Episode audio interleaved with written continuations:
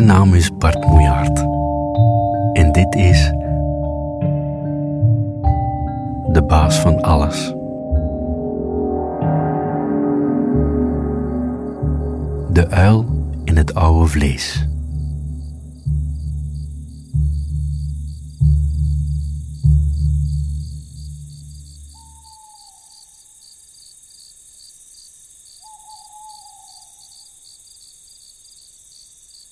De kat klom in een boom. Ze koos een tak, maar daar zat al een uil die niet van bezoek gediend was. Als je bij me komt zitten omdat je honger hebt en mij wilt voor je avondeten, riep hij, dan kan ik je vertellen dat ik scherpe klauwen heb en weinig geduld. Met mijn linkerpoot mep ik je dood en met mijn rechter duw ik je naar beneden, nog voor je mauw hebt kunnen zeggen. Oeh, zei de kat, en ze ging vlak bij de stam zitten. Wat een humeur. Ik mag er dan wel uitzien als een tijger, maar van binnen ben ik een poes. Ik heb geen plannen. Katten hebben altijd plannen, zei de uil. Laat me eens in je ogen kijken of ik daar de waarheid zie. Doe maar, kijk maar, zei de kat, en ze boog naar de uil toe. Vergeet dan niet dat het van twee kanten komt. Als jij in mijn ogen kijkt, kijk ik terug. Ik ben benieuwd naar wat ik ga zien.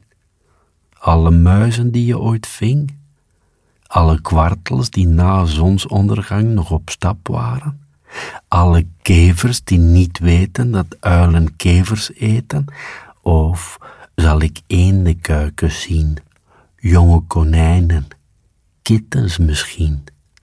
Geloof me, ik steek geen poot naar je uit. Zal ik het zweren? De uil aarzelde. Nee, het is goed, zei hij tenslotte.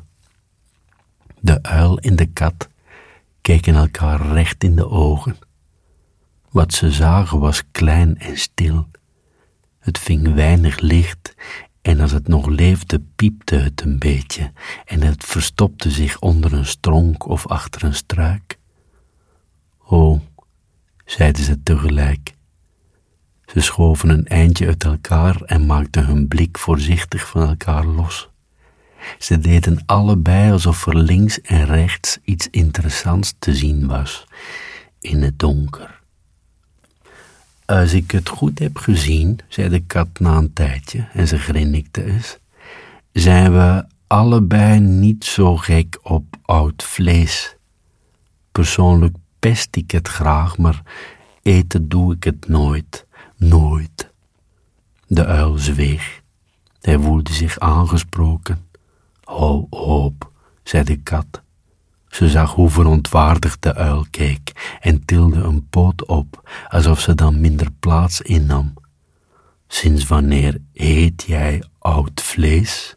Zo heet ik niet, zei de uil, maar je kijkt zo raar en je ronkt. De kat zuchtte.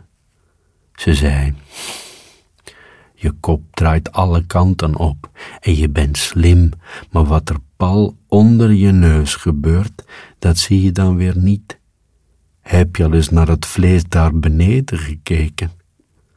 De uil boog zich voorover in de richting die de kat aanwees en maakte een geluidje van het schrikken. Aan de voet van de boom lag een hond aan een touw. Wat doet die daar? zei de uil. Liggen liggen, zei de kat. Liggen huilen, liggen wachten. Je wilt niet weten waarop. Een paar uur al. Ik hoop dat die gauw gevonden wordt. De uil boog zich nog eens voorover en nam de tijd om beter te kijken. Jong vlees is het inderdaad niet meer, zei hij. Nee, zei de kat. En het is mager. Honden zijn kieskeurig wat eten betreft. Ze likte een stuk van haar pels en opnieuw en opnieuw en opnieuw, alsof het nodig was. Daarna rekte ze zich uit en ze zei geeuwend dat ze vrij was, altijd vrij was. En jij, zei ze, ben jij vrij? Oeh, ik wel, zei de uil. Je wil niet weten hoe vrij.